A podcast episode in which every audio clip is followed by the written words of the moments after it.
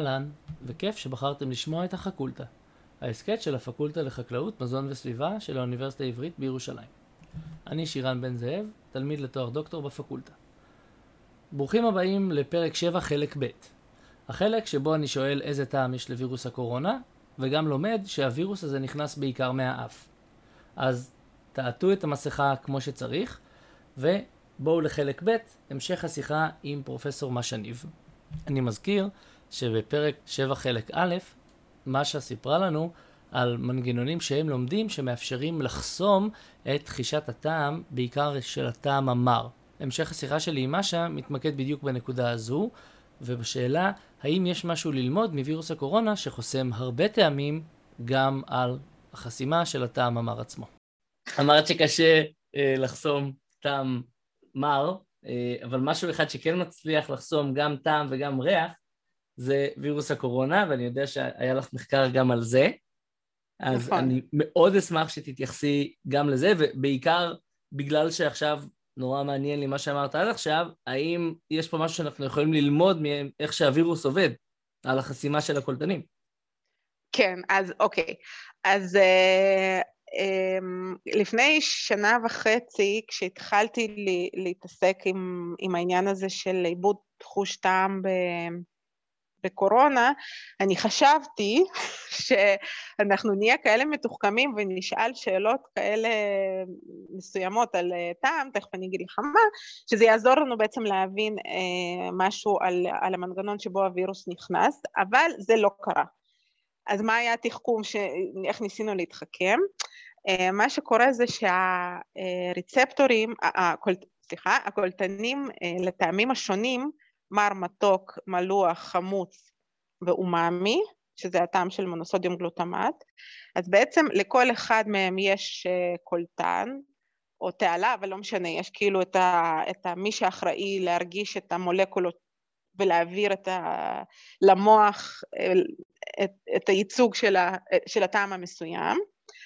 אה, אז הם יושבים אה, בפה בפקיעות טעם, כשבפקיעית הזאת יש הרבה כל, אה, אה, תאים, תאי טעם, וכל תא טעם אה, מבטא רק סוג אה, קולטנים אחד. זאת אומרת, אם זה מבטא קולטנים למר, הוא לא יבטא קולטנים למתוק. אם הוא מבטא קולטנים למתוק, הוא לא יבטא קולטנים למר או לאוממי או משהו כזה. Okay. אוקיי. עכשיו, מה שזה אומר, יש אה, ניסויים נורא יפים של אה, חוקר בשם צ'ארלס זוקר, שהוא בעצם מראה איך הוא יכול אה, לשגע, זאת אומרת, הוא בעצם על ידי הפעלה של תאים מסוימים, גם בלשון, ואחר כך הוא גם יראה כאילו את האזורים במוח שרלוונטיים, אז גם באופטוגנטיקה, גם במוח. הוא, הוא, הוא כאילו יכול לעבוד על העכברים, הוא יכול לגרום להם להרגיש את הריחות, על, על, על סמך המיקום, כאילו, הסוג של ה... של התא שהוא מעורר אותו. אז אם אני אסכם את זה רגע לפני שאני אחזור תכף לקורונה, זה כאילו הלוקיישן, הסוג, אם אתה הגעת כאילו לתא הנכון, אז, אז זה בעצם מה שמייצג את, ה, את הטעם. אם אתה תפעיל אותו, אתה תוכל... אה, ואיך מפעילים לג... בהקשר הזה? לא, אז בדרך כלל, אה, בדרך כלל באופן טבעי זה באמת החומרים, הסוכר או, או קווינין או מה שזה יהיה שמגיע על הלשון ונוגע אוקיי, בעצם... אוקיי, ובמחקר? ב... במחקר שלו הוא עשה, הוא עשה כל מיני מניפולציות, זה קצת uh, מסובך, אבל הוא, uh, הוא הראה שאם הוא שם שם, אם הוא שם בתא המסוים הזה איזשהו קולטן uh, מיוחד, אז הוא יכול לגרום להתנהגות כאילו זה מתוק אם הוא שם אותו בתאים המתוקים, וכאילו, וכאילו זה מר אם הוא שם אותו במרים. כלומר, זהות אומרת, התא ולא זהות הקולטנים בדיוק. על התא, זה. מה שמשפיע? כן.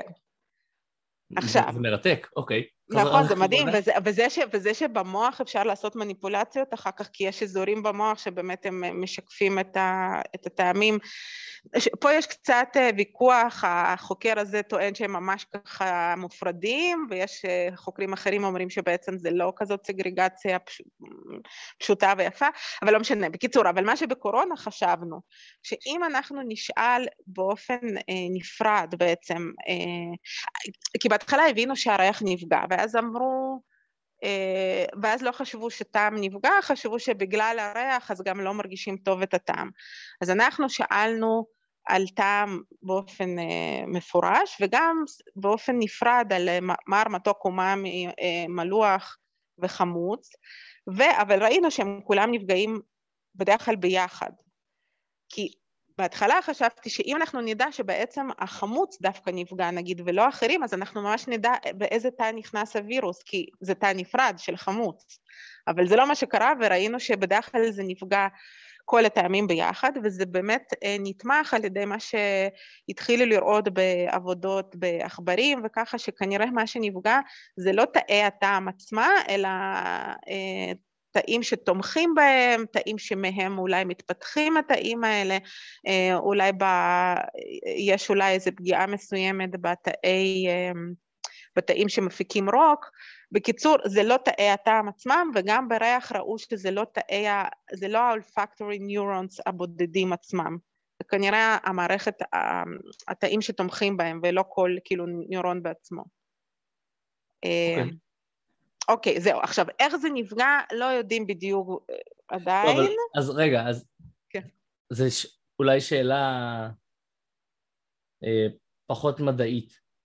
לווירוס יש טעם? כלומר, הוא בא בכלל במגע אה. עם תאי חישת הטעם שלנו, או שהוא עובר פנימה ממקור אחר? Uh, הוא קודם כל כנראה יותר נכנס מהאף, ואולי גם קצת מהפה. Uh, אני לא יודעת אם יש לו טעם, אני לא, חוש... לא יודעת להגיד.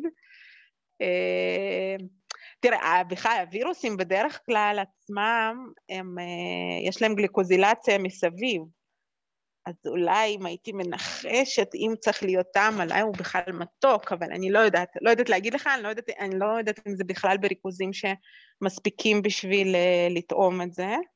אני לא אתר, אה, זה, זה לא אתר אה, חדשות פופולרי, אני לא אכתוב, חוקרת בעברית טוענת שהווירוסים מתוקים, זה לא, אני לא הולך לא, אני לא יודעת.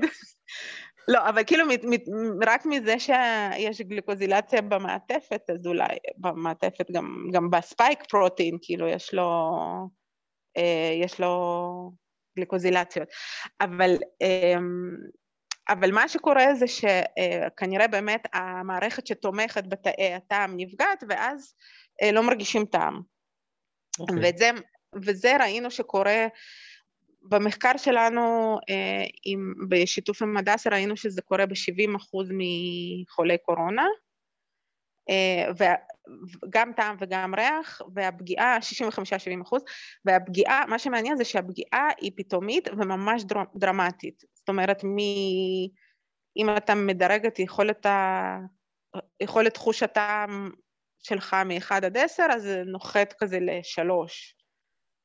וואו. בניגוד למחלות אחרות נגיד, שזה בדרך כלל פחות דרמטי. זה לא כמו להיות לא- מצונן אז, זה פשוט... בדיוק, וזה גם לא מלווה באף סתום בדרך כלל. אוקיי. עכשיו, כל מה שאני מספרת לך זה, זה לפני וריאנט דלתא ולפני החיסונים. אז, אה, אז יכול להיות שעכשיו גם התסמינים טיפה שונים וגם אה, מרגישים קצת אחרת אה, אם נדבקים אחרי חיסון.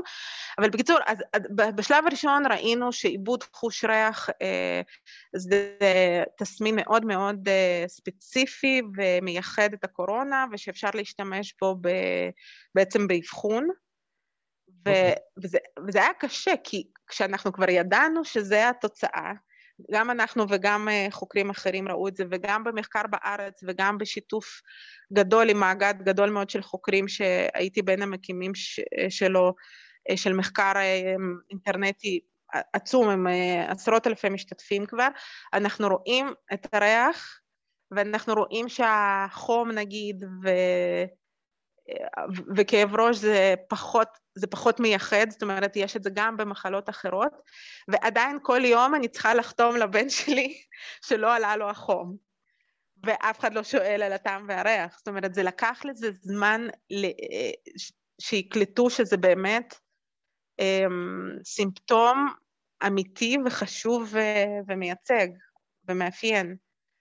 אמ, טוב, את נוגעת פה בנקודה ש... על תפקידנו כמדענים מול אה, הדעת הציבורית, אבל אני אשאל אותך את זה בסוף הפרק. Uh, אני לא מניח שאת כותבת, לא, אין לו חום וגם הוא מצליח לטעום.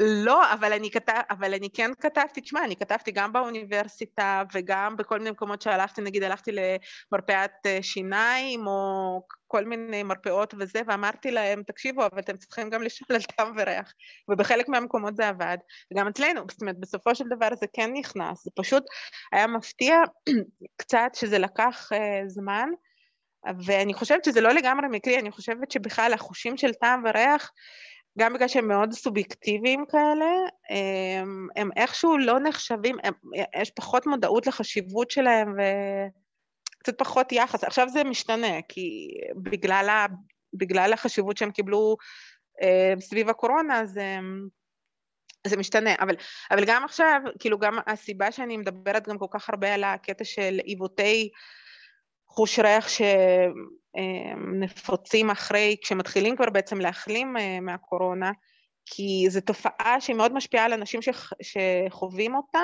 והיא לא מוכרת, והסביבה כנראה גם לא מבינה עד כמה זה, כמה זה זוועה וכמה זה משפיע על החיים של מי ש... כלומר, זה חלק מהלונג קוביד, אבל כן. שהוא לא, לא נכנסים אליו? קצת פחות, קצת פחות מקבל... אה, תשמע, אני ראיתי, ראיתי כל מיני מאמרים, נגיד סתם, זה עכשיו עוד לא לונג קוביד, נגיד היה איזה מאמר שכתב, אנשים אסימפטומטיים פיתחו תופעות של לונג uh, קוביד. אני מתחילה לקרוא לי מה זה המאמר, כן, הולכת כאילו מהפופולרי למאמר עצמו, ואז אני רואה שהמאמר, uh, מה זה אסימפטומטי? הם לא שאלו בכלל על טעם וריח, זאת אומרת, הטעם והריח לא היו סימפטומים שהם התייחסו אליהם, ואז הם קראו לחולים שלהם אסימפטומטיים, ואז עשו כאלה הפחדות וזה. בשיחה שזה... שלי עם בני חפץ, אה, כן. בחלק שלא נכנס לפודקאסט, דיברנו על דיטקציה. והוא אמר שלפעמים הגישה של המשרדי ממשלה היא קצת, למה נתנו לכם את המכשירים האלה? עכשיו מצאתם לנו עוד מלא צרות לדאוג מהם, בשביל מה? אז זה קצת, אני מניח שזה קצת מאותה גישה של מה שקורה איתך, שאת אומרת, מה את מביאה לנו את התסמינים האלה? אנחנו נאבחן המון המון אנשים סימפטומטיים פתאום, ואוי ואבוי. אה, יכול להיות, אני חשבתי על זה הפוך, אני חשבתי על זה שבעצם הידיעה החדשותית הזאת לא הייתה צריכה להיות כזאת מפחידה. כי זה הרבה יותר מפחיד אם אומרים לך, תשמע, גם אם לא הרגשת כלום, יכול להיות שאתה בעצם דוגר אצלך משהו ואתה תפתח משהו נוראי. זה יותר מפחיד מאשר להגיד, אה, תשמע, אם איבדת חוש ריח וטעם, אז יש מצב שתפתח ככה וככה. שזה גם המצב האמיתי, וגם הוא קצת פחות מלחיץ, כי לפחות כל אותם אנשים שבאמת לא הרגישו, שבאמת היו אסימפטומטיים ולא הרגישו כלום, אז הם צריכים פחות לחשוש. אני, אני, אני מרגיש שזו שאלה שמתחייבת ממני עכשיו. אה, איזה טעם חוזר הכי מהר? כלומר, אם, אני צריך לשים מלח על הלשון כדי לבדוק שאין לי קוביד, או... אה, אז אה, זה אני, האמת היא שדווקא אין לי את הרזולוציה הזאת בריקאברי, אני לא יודעת להגיד לך מה חוזר הכי מהר, אני כן יודעת להגיד שטעם חוזר יותר מהר מריח. אוקיי, זה אמרתי אה, בשיחה המקדימה, וזה מאוד עניין אותי, כי על פניו הייתי מצפה שהאבולוציה שלנו תעדיף דווקא את הריח לפני, כי הריח לא דורש מגע פיזי של הגוף שלנו עם, ה... עם מה שזה לא כן, יהיה. כן, נכון, אבל האבולוציה, בסדר, אבל פה יש לך איזושהי פגיעה, ו... זאת אומרת, הרי אנחנו לא במצב אה, אופ... אופטימלי לכל צרה שלא תבוא, אז, אז יכול להיות שבאמת אנחנו עוד לא יודעים לה... להתמודד בצורה אופטימלית, אופטימלית עם הווירוסים האלה שהם... קודם לא התמודדנו איתם, או לפחות לא עם וריאציות כאלה קשות. אז אני מסכימה איתך שיכול להיות פיזיולוגית היה יותר דחוף שהריח יחזור, אבל, אבל בפועל מה שקורה, מה שקורה זה שהטעם חוזר כנראה קצת יותר מהר. עכשיו זה מעניין משתי סיבות. א', קודם כל זה מעניין כי זה עוד הוכחה לזה שזה נפרד, זאת אומרת זה שני חושים שנפגעים לרוב נפגעים ביחד, אבל הם נפרדים, זאת אומרת, כל אחד בפני עצמו, וה... ואותו בן אדם שאמר קודם שגם חוש הריח וגם חוש הטעם לא עובד, הוא כן מסוגל להבחין ביניהם, כי כשחוש הטעם חוזר, אז הם אומרים, הטעם כבר בסדר, אבל הריח עדיין לא. למה זה קורה? זה יכול להיות אה, שבגלל התחדשות של, אה, גם של תאים, גם של אה, אה, כל מיני דברים מצביעים ונורולוגיים, אני עוד לא, לא יודעים להגיד באמת. למה, למה זה לוקח זמן ולמה יש הבדל בקצב.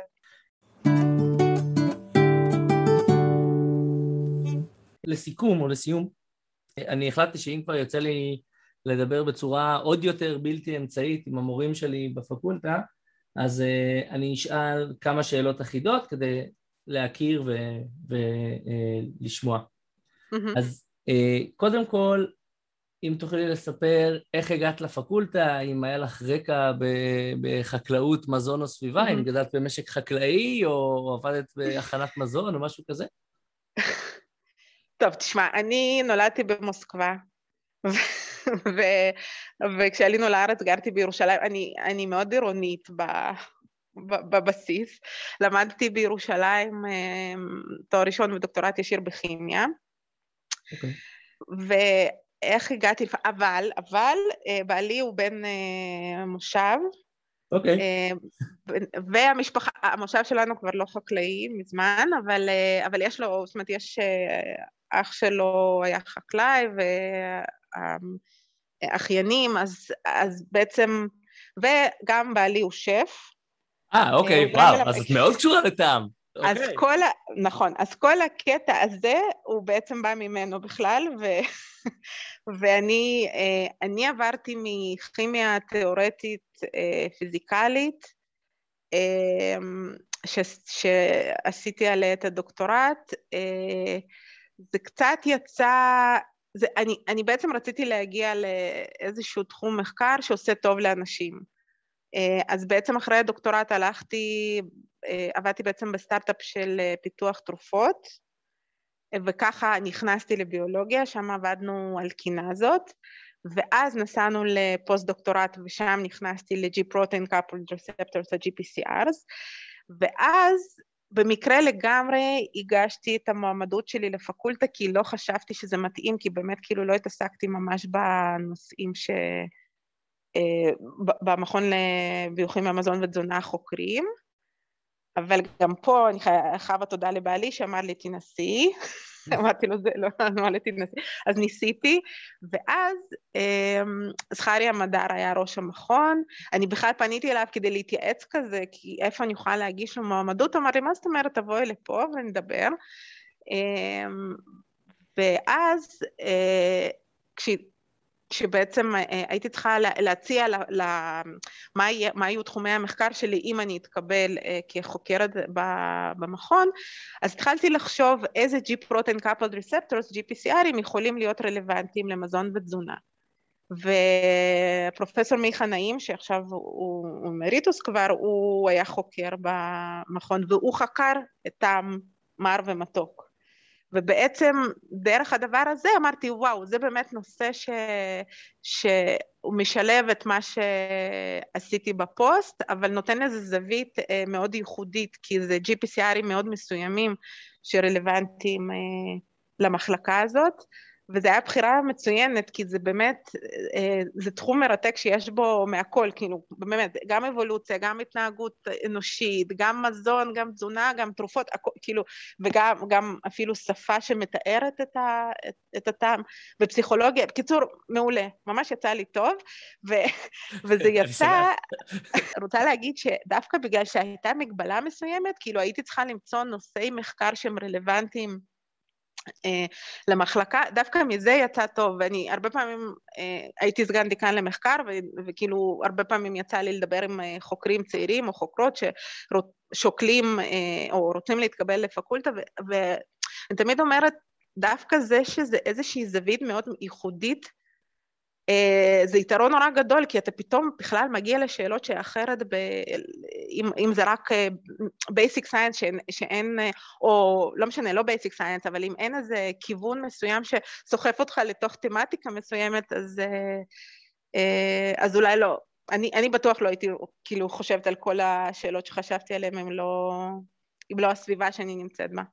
אז זה בעצם שני הכיוונים, כי את הבאת outside view, אבל גם קיבלת דברים חדשים להסתכל נכון. עליהם. נכון, בדיוק, נכון.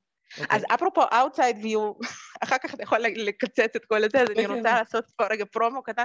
כשהתקבלתי לפקולטה, גם אחת הסיבות שכאילו זה היה מוזר אה, אולי להיות פה, לא היו חקורים חישוביים בכלל. עכשיו, אני באתי כאילו מכימיה תיאורטית חישובית, ואחר כך ביואינפורמטיקה מבנית, גם חישובי, ואז התקבלתי לפקולטה ולא היה מישהו ש...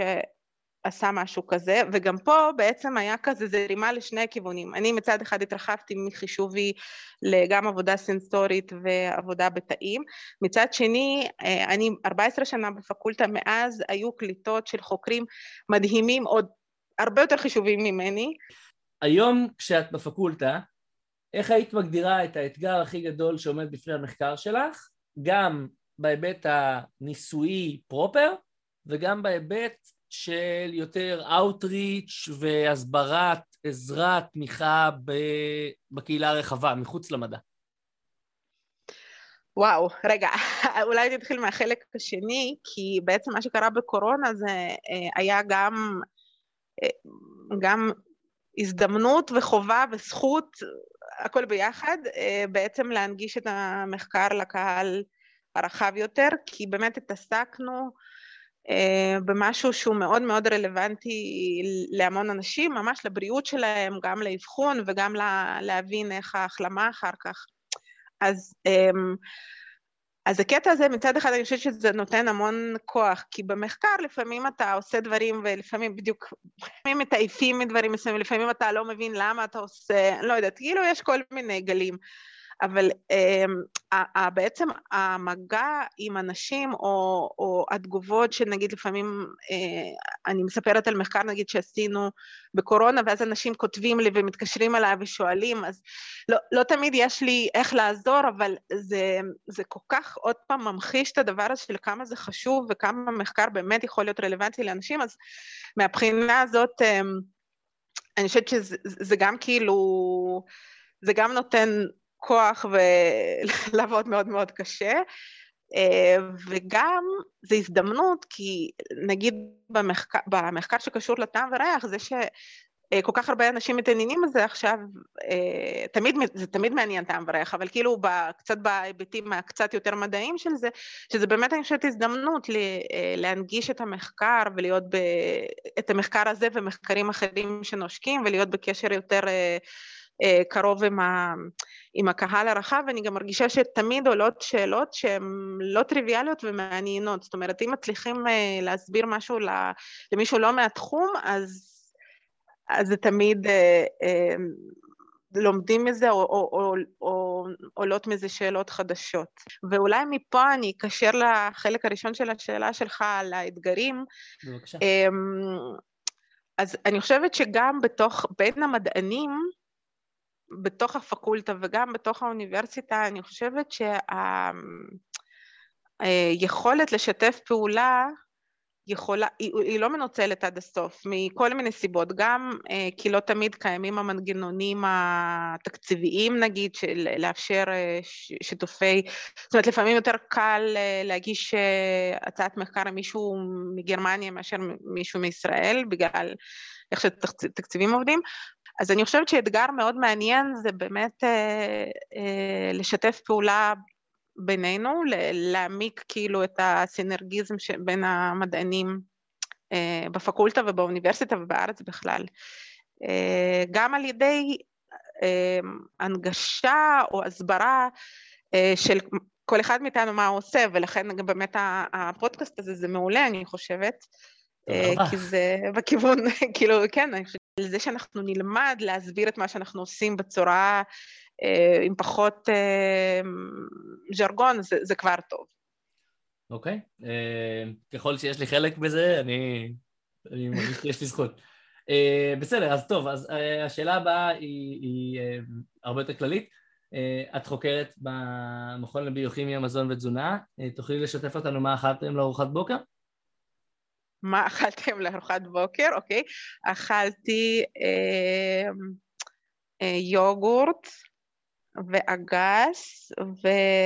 אה, Oatmeal Squares של Quaker. אני לא בטוחה עד עכשיו התשובות שקיבלתי היו קפה, קפה וקפה, אז את... אה, לא, מה, לא, יש לי כלבת רידג'בק שבבוקר צריך לעשות את ההליכה ממש גדולה כדי שהיא תהיה פחות או יותר רגועה בהמשך היום, אז אחר כך אני אוכלת.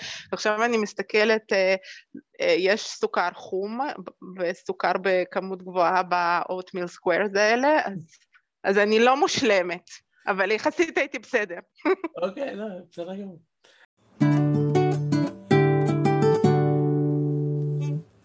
שוב תודה לפרופסור משה ניב ולגלעד הראל על המוזיקה המקורית, ותודה לכן ולכם על ההאזנה. מאוד מאוד נשמח לקבל מכם פידבקים, שאלות, אה, הערות על מה עניין יותר ועניין פחות, גם בפייסבוק שלנו, גם במייל שלנו, החקולטה, h-a-h-a-k-u-l-t-a,